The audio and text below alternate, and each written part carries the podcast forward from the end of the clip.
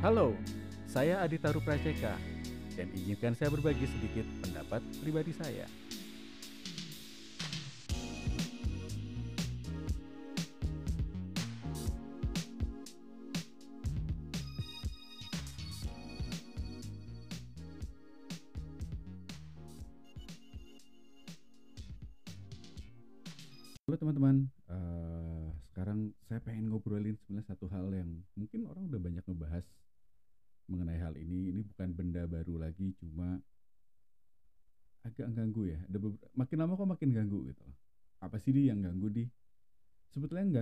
Itu adalah hal kecil tapi nggak kecil, yaitu kata-kata specialty. Mungkin teman-teman udah bosan ya dengar specialty itu apa sih dan semua orang kayak mengaku specialty itu ini, specialty itu gitu. Well, kalau kita mau jelas specialty itu sebetulnya sudah ada aturannya. Jadi kalau kita ngomongin specialty sebetulnya semua itu eh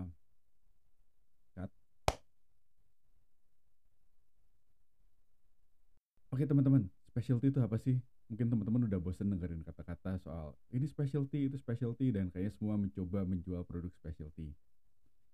Specialty itu apa sih di? Specialty itu sebenarnya sebuah standar yang dibuat oleh eh, negara konsumen, oleh Amerika Serikat.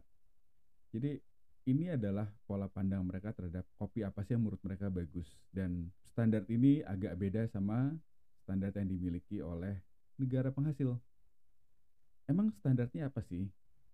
Kalau kita membicarakan definisi specialty yang dibuat oleh Specialty Coffee Association of America (SCAA), specialty itu adalah tata cara penilaian biji hijau di mana sampel biji hijau tersebut harus di cup dan hasil uji cita rasanya di atas 80, lalu nanti akan diambil sampel juga dilakukan proses sortasi biji hijau di mana proses sortasi biji hijau ini tidak diizinkan ada cacat primer dan maksimum 5 poin cacat sekunder dan lalu diambil juga sampel biji kopi sangrai dan dalam sampel biji kopi sangrai tersebut tidak boleh ada satupun biji kopi yang warnanya muda sendiri atau istilah resminya Quaker.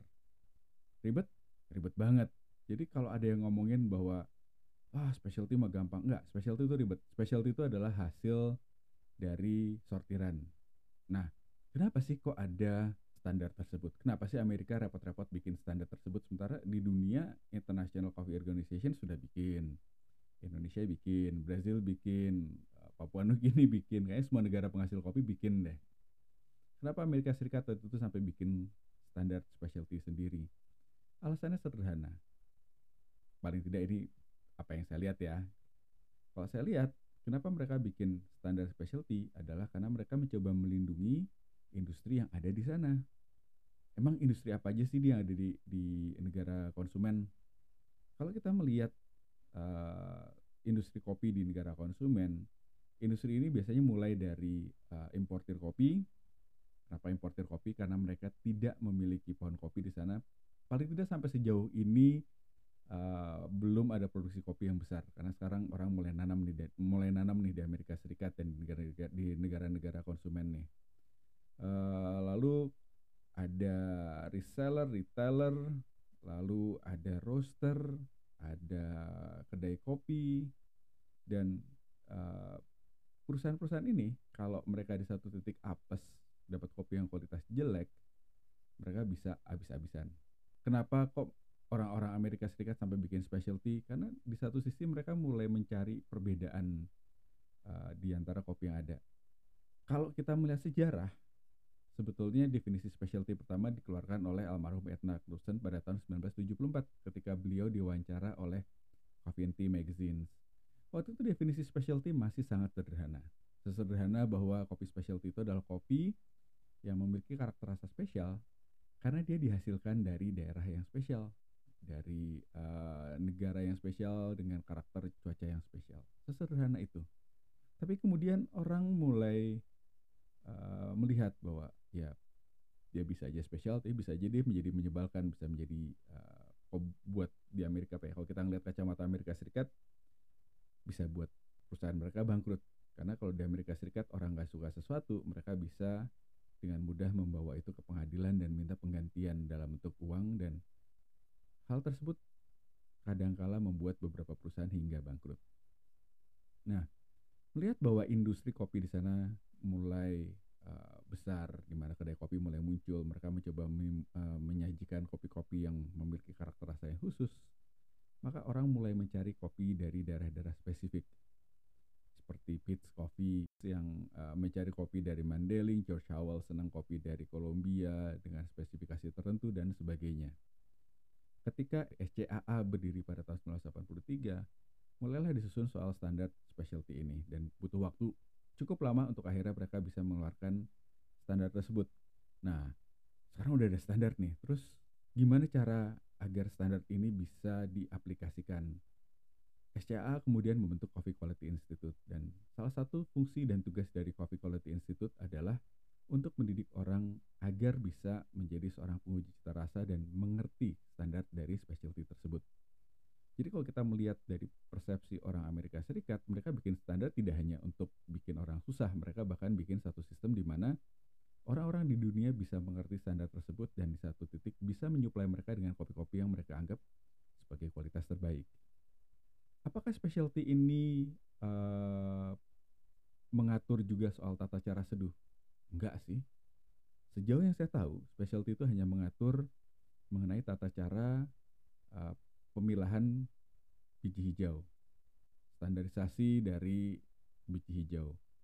Jadi nggak ada yang namanya ini kedai kopi specialty atau kedai kopi specialty itu harus punya ini itu dan lain-lain bahkan di satu titik saya memperhatikan uh, paling nggak di awal-awal specialty lagi naik naik daun di Indonesia lagi lagi heboh-hebohnya itu sekitar tahun 2009, 2010, 2011 Saya memperhatikan bahwa ketika sebuah kedai kopi menaruh, memajang, memasang kata specialty di mereknya, biasanya malah kopi yang dipakai bukan specialty.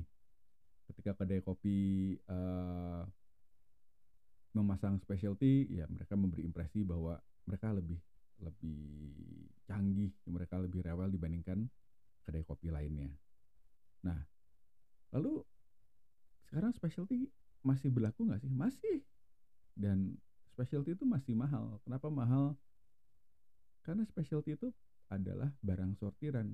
Kalau kita membicarakan kopi yang benar-benar masuk kategori specialty dalam artian uh, dari sampel dari dari satu lot kopi satu lot kopi itu maksimum besarannya satu kontainer alias 18 ton uh, dari satu lot itu diambil sampel dan sampel itu kemudian diambil 350 gram sebagai representasi dari uh, biji hijaunya.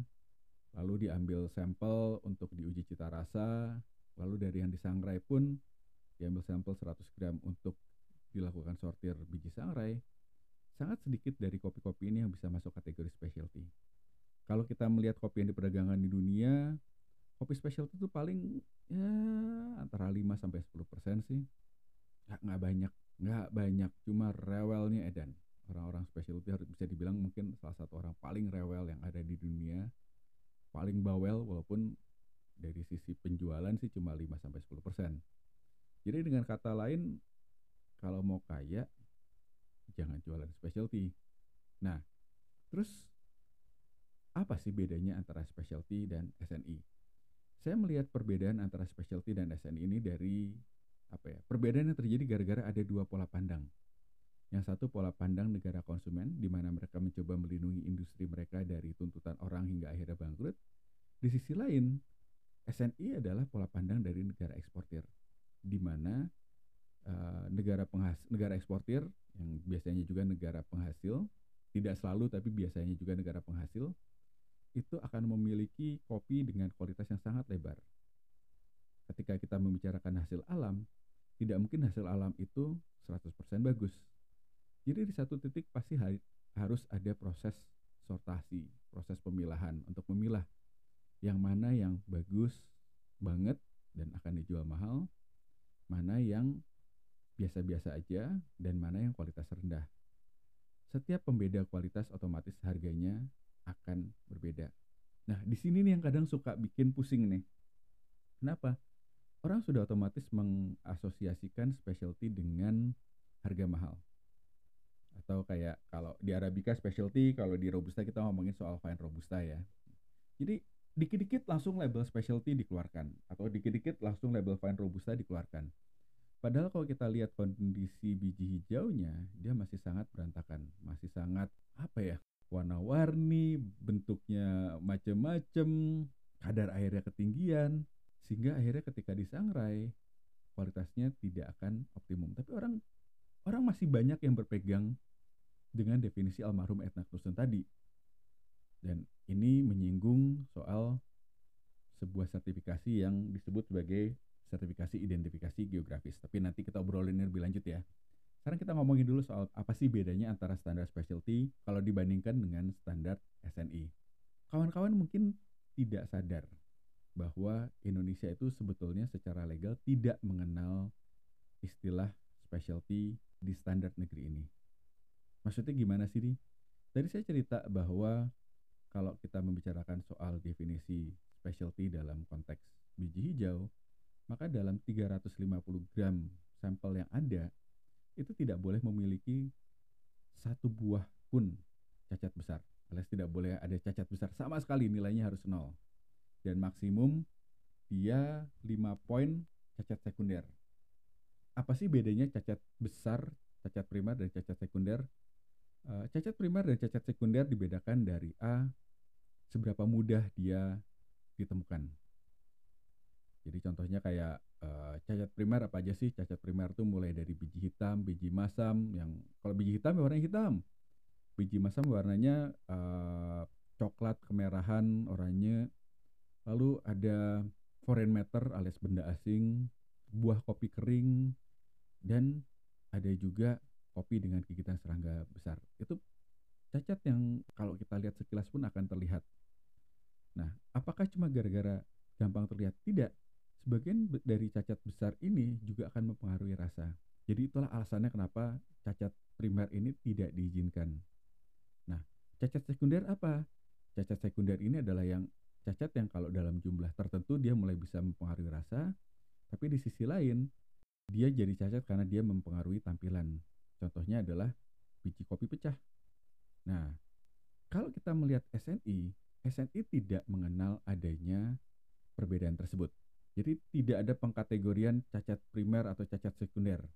Perbedaan pertama adalah kalau di SCA, di specialty ukuran sampelnya 350 gram, di SNI ukuran sampelnya 300 gram. Kalau uh, di SCA tidak boleh ada cacat primer seperti yang saya jelaskan tadi. Di SNI itu tidak ada pembagian antara cacat primer atau cacat sekunder. Nah, kalau di SCA maksimum untuk jadi specialty itu 5 poin cacat sekunder dan tidak boleh ada cacat primer, di SNI mutu kualitas satu alias ini yang orang kadang sebutnya sebagai grade 1 atau uh, tingkatan paling tinggi dari uh, standar kopi yang di, diakui oleh negara grade 1 itu atau mutu 1 itu mengizinkan nilai cacat maksimum 11. Rasa banyak nggak cuma itu. Kenapa? Karena jumlah cacat maksimum 11 itu di dalamnya bisa aja ada 11 kopi gelondong. Di dalamnya bisa saja ada dua batu ukuran besar. Jadi kalau kita lihat grade 1 atau mutu 1 itu jauh lebih permisif jauh lebih lebih tidak serewel definisi biji hijau kopi specialty. Balik lagi soal perbedaan pandangan. Kalau SCA cuma mengenal kategori itu cuma dua untuk Arabica, specialty atau komersil. Kalau Fine Robusta yang dikembangkan oleh Coffee Quality Institute itu dia memiliki tiga kategori, fine, premium, dan komersil. Kalau SNI, SNI itu memiliki 6 grade, 6 kualitas cacat dan jumlah cacatnya lumayan menarik. Maksudnya menarik gimana sih? Kalau tadi saya cerita mutu 1 itu maksimum jumlah cacatnya 11, mutu 2 itu jumlah cacatnya antara 12 sampai 25. Mutu 3 jumlah cacatnya 26 sampai 44. Mutu 4 itu kalau di uh, robusta dibagi menjadi 4A 4B gitu. Ya. kalau di robusta ada 4 A itu 45 sampai 60, 4B itu 61 sampai 80. Kalau di Arabica tidak dikenal pembagian tersebut. Mutu 5 itu 81 sampai 150 dan mutu 6 151 sampai 225. Banyak banget ya cacatnya ya, banyak. Kenapa itu diizinkan? Karena namanya hasil alam, itu tidak mungkin semua bagus. Dan di satu sisi, ini satu hal yang sebenarnya buat saya menyenangkan uh, untuk apa ya dari dari sisi kopi ya kalau kita ngeliat perdagangan kopi. Di kopi semua kopi itu punya rumah. Semua kopi itu uh, punya penggemarnya. Jadi apakah kalau kita jualan kopi specialty itu semua orang pasti suka? Enggak. Tidak semua orang menikmati kopi specialty. Atau mungkin kalau kita ngomongin yang lebih canggihnya lagi yang lebih rewelnya lagi uh, kopi-kopi cup of excellence yang di Indonesia cup of excellence baru baru diadakan lelangnya akan segera diadakan tanggal 27 Januari. Apakah semua orang akan suka kopi cup of excellence? Enggak uh, saya pribadi saya suka kopi cup of excellence tapi itu tidak akan jadi minuman harian saya. Kenapa? Karena rasanya terlalu clean rasanya terlalu terlalu bersih terlalu jelas sampai ag agak di satu titik jadi membosankan. Saya suka kopi yang agak lebih banyak ceritanya dan mungkin ada sedikit cacatnya nih cacat itu tapi dia akan lebih menarik lagi nah terus kalau Indonesia punya sampai grade 6 emang ada yang beli? Ada banyak banget. Kalau kita melihat data yang keluar dari pelabuhan mayoritas kopi yang keluar dari pelabuhan Lampung untuk robusta itu rata-rata kategori 3 kalau kita ngelihat yang keluar dari Medan ya tiga atau dua. Jauh lebih banyak dibandingkan kategori satu. Specialty sedikit banget. Cuma ya balik lagi uh, orang-orang specialty ini jumlahnya nggak banyak tapi bawel uh, ribut di media sosial dan di satu sisi bagus mereka ribut. Kenapa bagus? Karena mereka mendorong adanya peningkatan kualitas. Mereka mendorong orang untuk berpikir bahwa iya ya kopi itu bisa jadi seperti ini. Iya ya kopi punya karakter seperti ini. Dan bahwa kopi itu bisa sangat menarik secara rasa tapi kalau kita kembali ke pertanyaan besar apakah semua orang itu wajib minum specialty enggak contohnya apa contohnya kopi saset Apakah mungkin bikin kopi saset pakai kopi specialty? Mungkin. Apakah ada yang beli? Enggak. Kenapa? Kenapa nggak beli? Karena akhirnya akan kemahalan. Jadi di satu titik orang akan belajar menikmati kopi yang dia miliki. Terus kenapa sih bikin kopi specialty? Di satu sisi paling nggak dari pengalaman saya nyangrai yang nggak banyak juga gitu ya. Menyangrai kopi specialty itu relatif lebih mudah ada kata sudah mulai ada cacatnya mulai nih roster harus mengatur strategi harus mulai uh, menggunakan semua kemampuannya untuk bisa mengangkat karakter rasa yang ada di satu sisi dia harus juga menghilangkan atau menghapus atau paling tidak mengurangi karakter cacat yang ada. Jadi alasan kenapa kopi specialty itu rela dibayar mahal oleh roster karena di satu sisi dia membuat hidup mereka jadi jauh lebih mudah dia membuat barista pun hidupnya jadi lebih mudah karena dia bisa bercerita banyak. Andai kata kopinya kualitasnya tidak terlalu bagus, otomatis banyak usaha yang harus dilakukan. Walaupun ya sebetulnya usaha paling gampang satu sih, kopinya kita sangrai gelap atau kopinya kita sangrai lama alias istilah teman-teman roster adalah di peak.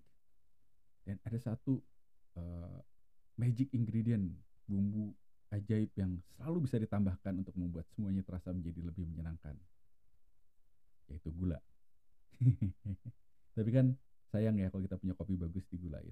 Saya nggak bilang minum kopi nggak boleh pakai gula. Kalau buat saya gula itu adalah pilihan pribadi kok. Kalau kita emang doyan pakai gula ya sok aja toh kalian beli sendiri lidah-lidah kalian mau digulain mau disusuin mau minumnya pakai plastik pakai sedotan kenapa sih kok orang lain harus ribet soal itu Nah, sekarang balik lagi kita ke soal specialty. Apakah mungkin bikin satu kebun specialty semua? Mungkin teman-teman bertanya ngapain sih si Adi sampai mikirin bikin kebun specialty semua apakah mungkin gitu. beberapa tahun yang lalu saya sempat bertemu dengan beberapa bapak-bapak dari sebuah departemen sebuah departemen yang salah satu tugasnya ngurusin kopi dengan bangga sang bapak bercerita bahwa departemennya sudah menganggarkan uang cukup besar untuk membuat kebun kopi specialty. Situ saya nanya, Pak gimana caranya? Oh bisa, dia langsung mengeluarkan banyak sekali teori yang membuat saya tersenyum. Kenapa tersenyum? Apakah bisa kita memproduksi 100% specialty? Kalau kopi specialty itu adalah kopi pabrikan, dalam artian bahwa semua adalah hasil manufacturing, semua bisa kita atur, mungkin bisa. Tapi karena kopi ini adalah hasil alam, ya namanya hasil alam kita tidak bisa mengatur alam kan. Orang kadang kita dapat kopi enak, kita ada jatuh cinta, panen berikutnya bubar karena alam berkata lain. Jadi ya udahlah, kita nikmati aja apa yang ada. Nah, tapi apakah mungkin untuk meningkatkan produksi kopi specialty? Sangat mungkin. Gimana caranya? Gimana caranya di untuk bisa bikin produksi kopi specialty naik? Caranya sederhana. Ya kita bikin produksi kopi naik. Nggak ngomongin specialty, nggak ngomongin komersil, kita bikin produksi kopi naik. Kita bikin produktivitasnya naik. Karena kalau buka lahan memang sih kopi itu bisa digunakan untuk uh, mencegah erosi. Memang sih kopi itu adalah tanaman keras. Memang sih akar dia cukup dalam walaupun tidak sedalam itu. Tapi kalau ada yang bilang bahwa buka lahan diganti dengan pohon kopi itu bagus, saya nggak setuju ya. Memang sih ada beberapa spesies kopi seperti Liberica yang bisa digunakan untuk revitalisasi lahan gambut. Tapi ya jangan sampai dengan embel-embel kita mau menaikkan produksi, akhirnya yang terjadi adalah kita membuka lahan. Karena bukan apa-apa. Kalau kita ngomongin spesies, kita ngomongin Arabica, Indonesia itu sebetulnya semakin lama semakin susah nanam Arabica. Kenapa semakin susah? Karena temperatur Indonesia, temperatur yang kita miliki di negara kita di satu titik akan terlalu panas buat Arabica. Orang sekarang aja orang mau nanam arabica itu harus di pegunungan harus di ketinggian di atas seribu itu pun masih dengan pohon pelindung. Dengan situasi seperti itu otomatis produktivitas pohon tidak akan bisa besar. Produktivitas lahan pun tidak akan besar. Kenapa karena dalam satu satuan luas anggap satu hektar jumlah pohon yang bisa ditanam tidak akan terlalu besar ada kata di Brazil, di Vietnam orang bisa menanam antara 4.000 sampai 6.000 pohon. Di Indonesia, kita bisa menanam 1.500 sampai 2.000 saja sudah bagus. Tidak hanya itu, karena lokasinya yang ada di gunung, maka otomatis usaha yang dilakukan untuk memelihara pohon kopi, untuk memanennya dan membawanya ke pengolahan pasca panen itu akan susah. Dan gimana pun juga kalau bahan dasarnya kualitasnya nggak terlalu bagus, sejago apa pun seorang prosesor, sejago apa pun seorang roster, hasilnya tidak akan terlalu optimum juga. Nah, emang terus gimana dimaksudnya dengan bikin produksi specialty naik? Uh, dasar mikirnya sederhana gini. Andai kata saya punya 100 kilo kopi dan anggap 10 persennya itu specialty. Artinya saya cuma punya 10 kilo dong. Tapi andai kata di satu titik saya bisa menaikkan produktivitasnya menjadi 150 kilo. Artinya saya bisa punya 15 kilo kopi specialty. Kenapa? Karena hasil sortiran. Apakah kopi specialty bisa dibuat persentasenya lebih tinggi dari 10% untuk uh, di kebun? Untuk ketika kita produksi, ketika kita melakukan pasca panen? Bisa. Tapi tetap tidak akan bisa 100%. Kenapa? Namanya manusia, kita mencoba memetik yang matang benar, walaupun warnanya sudah bagus belum tentu dia benar-benar matang dan di satu titik ketika kita melakukannya semua serba manual orang akan mulai berpikir ini saya dibayarnya cukup nggak ya karena metik kopi itu apalagi kalau kita dengan embel-embel matang benar itu tidak bisa kita datang ke kebun petik dan beres kita harus datang berulang kali seminggu tiga kali untuk datang ke kebun yang sama dan kita petik hanya di rentang warna yang diizinkan. Lalu kalau kita nggak ngomongin specialty, terus gimana? Saya percaya satu hal sih, kopi itu rumahnya banyak. Jadi ya udah kalau memang tidak memungkinkan jual yang specialty, kita jual kopi yang lain. Apakah uh, pasca panen dibedakan? Kenapa tidak? Satu hal yang saya pelajari dari tata cara Brazil melakukan uh, pengolahan kebun mereka adalah mereka menggunakan pasca panen yang berbeda-beda untuk kualitas kopi yang berbeda-beda. Tujuan apa? Tujuan untuk mencoba menaikkan harga. Contoh kasus adalah kalau kita ngomongin soal kopi natural. Di Indonesia, harga kopi proses natural, proses kering itu harganya tinggi. Kenapa tinggi? Karena di Indonesia kopi yang dijadikan proses natural di proses kering itu adalah kopi yang sudah matang benar. Di Brazil mereka melakukan hal yang berbeda. Memang sih nggak nggak nggak bagus tapi tapi pola pikirnya menarik. Kenapa menarik? Mereka menggunakan proses kering atau proses natural ini untuk meningkatkan harga dari kopi yang belum terlalu matang. Keunggulan dengan mereka melakukan itu adalah kopi yang belum terlalu matang ini, kopi kopi sortiran ini akan dapat harga lebih baik. Lalu karena belum terlalu matang, maka penjemurannya akan relatif lebih mudah karena kopi yang belum terlalu matang ini kadar airnya tidak setinggi kopi yang sudah matang benar.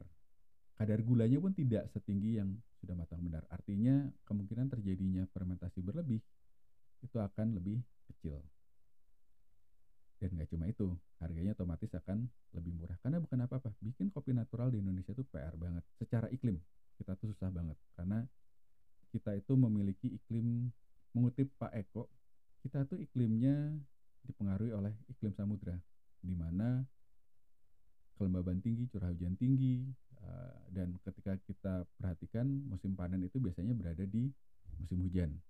Jadi mengeringkan kopi itu PR banget seberapa PR sih di kalau kita membandingkan dengan negara lain uh, tangkap kita mau bikin proses natural di Brasil atau di Ethiopia untuk menjemur kopi hingga kering hingga kadar airnya 11% plus minus 1 di Brasil dan di Ethiopia mereka hanya butuh waktu antara dua minggu maksimum tiga minggu sementara di Indonesia untuk proses natural kita butuh waktu sebulan lebih empat minggu bahkan sampai lima minggu nah yang bikin mumet adalah karena ketika musim panen kopi itu mendadak jadi banyak.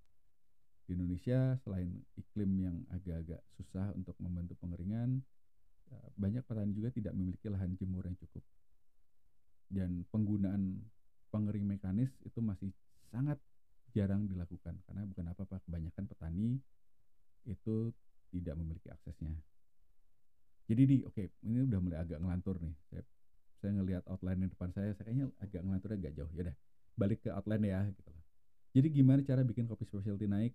Caranya adalah nomor satu, mau nggak mau kita harus bikin produktivitas pohon kopi kita naik. Kalau bisa jangan buka lahan. Gimana cara bikin produktivitas naik? Bisa dengan pemupukan, penyemaian, istilah kerennya adalah GAP, Good Agriculture Practice. Lalu setelah itu lakukanlah proses pasca panen dengan baik. Nah, di sini mungkin ada satu satu hal lagi yang harus kita pikirkan, yaitu soal siapa sih yang melakukan pasca panen. Banyak orang, terutama di pemerintahan, berpikir bahwa pasca panen itu harus dilakukan oleh petani. Makanya banyak sekali bantuan-bantuan yang diberikan langsung kepada petani berupa alat-alat pasca panen. Saya pribadi nggak terlalu setuju dengan hal itu. Kenapa? Karena petani kita tuh memiliki lahan kecil. Karena petani kita itu produktivitasnya relatif rendah. Apabila semua mengolah sendiri, maka kemungkinan adanya fluktuasi kualitas semakin lama semakin besar. Jadi gimana di siapa yang idealnya melakukan proses pasca panen? Sekarang banyak orang-orang yang spesialisasi di pasca panen. Mereka bukan petani, mereka punya fasilitas pasca panen. Itu bagus. Tapi kalau buat saya yang mungkin akan lebih menarik adalah konsep pemberdayaan badan usaha milik desa dan bekerja sama dengan orang-orang yang aktif di LMDH. Kenapa? Karena andai kata mereka bisa bekerja sama, maka kita bisa melindungi hutan yang ada di sekeliling kita, itu nomor satu. Lalu nomor dua, desa tempat para petani ini tinggal, itu bisa mendapatkan pendapatan lebih. Nomor tiga, Karena mengerjakan itu sebuah lembaga terpisah, maka standarisasi akan bisa lebih dijaga. Nah, Indonesia itu teman-teman terkenal banget dengan kualitas kopi yang sangat luas, tapi sangat tidak stabil dan sangat mahal. Ini kok buat saya PR yang berat ya. Kenapa PR yang berat? Kalau kita ngomongin tahun 1000 1700-an, kita nggak punya banyak saingan. Kita ngomongin tahun 1800-an mulai tuh saingan muncul. Kopi-kopi dari Amerika Latin mulai ada. Begitu kita sekarang ngomongin tahun 2000-an. Saingan kita tuh sudah bukan negara-negara yang ada di antara garis balik utara atau garis balik selatan. Saingan kita ke depan adalah negara-negara maju yang mulai menanam kopi seperti Amerika Serikat, Cina, Australia. Kenapa mereka bisa nanam kopi? Karena dengan menghangatnya bumi, sekarang negara bagian seperti Carolina Utara, seperti Australia bagian utara, seperti Cina bagian selatan, seperti Afrika Selatan, itu sudah cukup hangat untuk bisa menanam kopi. Memang sih musuh mereka itu adalah apabila suhunya ngedrop terlalu jauh seperti Brazil kemarin. Tapi paling nggak di satu titik mereka akan bisa jadi saingan. Kenapa saingan? Karena mereka memiliki teknologi dan mereka memiliki kapital. Sesuatu yang tidak kita miliki di sini. Nah, balik ke pertanyaan besar tadi di depan. Apakah kopi harus specialty? Enggak, teman-teman. Tidak semua orang harus minum specialty dan tidak harus semua kopi yang kita obrolin itu harus ada kata-kata specialty-nya. Kenapa? Ada satu mantra besar yang kami percaya di 5758 dan ini saya percaya percaya banget buat saya yaitu enak itu pribadi. Dan specialty itu belum tentu cocok buat semua orang. Belum lagi ketika banyak yang ngaku specialty belum tentu specialty atau banyak yang ngaku fine robusta tapi belum jadi belum tentu fine robusta. Jadi kalau teman-teman mau jualan kopi atau mau beli kopi, apa sih yang harus dilihat? Carilah apa yang kita suka. Boleh kita mendengarkan saran. Boleh kita mendengarkan cerita teman. Tapi hal pertama yang harus kita lakukan adalah kita coba. Kalau kita doyan, itu adalah kopi yang terbaik buat kita. Apakah kopi specialty itu terbaik? Atau apakah kopi COE itu terbaik? Well, kalau kita nggak doyan, yang akan jadi terbaik dong. Jadi teman-teman, kalau nanti ngopi, ngopilah apa yang di depan kita. Jangan terlalu silau dengan kata specialty. Dan kalau kita mau beli kopi specialty, ya harus siap bayar mahal. Kenapa? Karena untuk bisa menyiapkan kopi specialty, maka ada banyak tangan yang mengerjakannya. Ada banyak tangan yang terlibat di dalamnya. Dan tangan-tangan ini harus dibayar. Teman-teman, specialty itu kata yang bagus, kata yang menarik, satu konsep yang saya nggak bisa bilang jelek. Tapi apakah specialty itu yang terbaik? Belum tentu.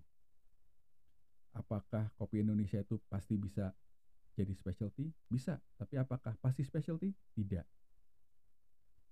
Saya tadi sempat menyinggung soal identifikasi geografis. Ada hal yang menarik soal kata-kata specialty dan identifikasi geografis. Apa sih yang bikin menarik di? Kalau kita ngobrol dengan orang-orang pemerintahan, banyak yang berpikir bahwa kopi yang sudah memiliki sertifikasi identifikasi geografis itu pasti specialty. Kalau kita pakai standarnya Edna Knudsen tahun 74, iya sih, tapi kalau kita lihat definisinya SCAA yang bikin definisi specialty, tentu tidak. Kenapa tidak? Karena seperti yang saya sebut tadi di awal, specialty itu hanya berlaku untuk sebuah lot, di mana lot itu maksimum satu kontainer.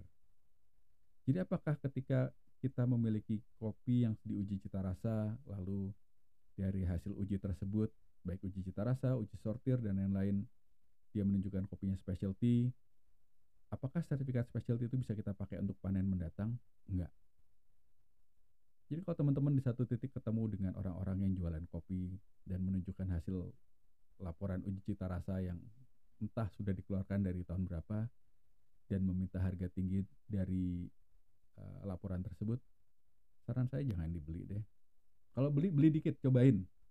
Cobalah kopinya. Kalau kita doyan beli, tapi jangan silau dengan sertifikatnya. Kenapa? Satu hal yang ingin saya tegaskan adalah kopi itu hasil alam. Hasil alam tidak akan pernah bisa stabil. Jadi teman-teman nggak kerasa udah 38 menit. Panjang ya. Jadi teman-teman kalau teman-teman mau beli kopi belilah. Cobalah. Minumlah dengan yakin minumlah dengan bahagia. Jangan silau dengan embel-embel kata specialty dan minumlah dengan bahagia. Terima kasih sudah mendengarkan kicauan saya selama beberapa menit terakhir setengah jam lebih terakhir. Sampai bertemu di uh, podcast saya berikutnya. Dan insya Allah kita akan membahas soal enak itu apa sih di? Tadi saya sempat bilang enak itu pribadi enak itu apa sih? Kita bicarain di podcast berikutnya ya. Terima kasih semoga hari ini menyenangkan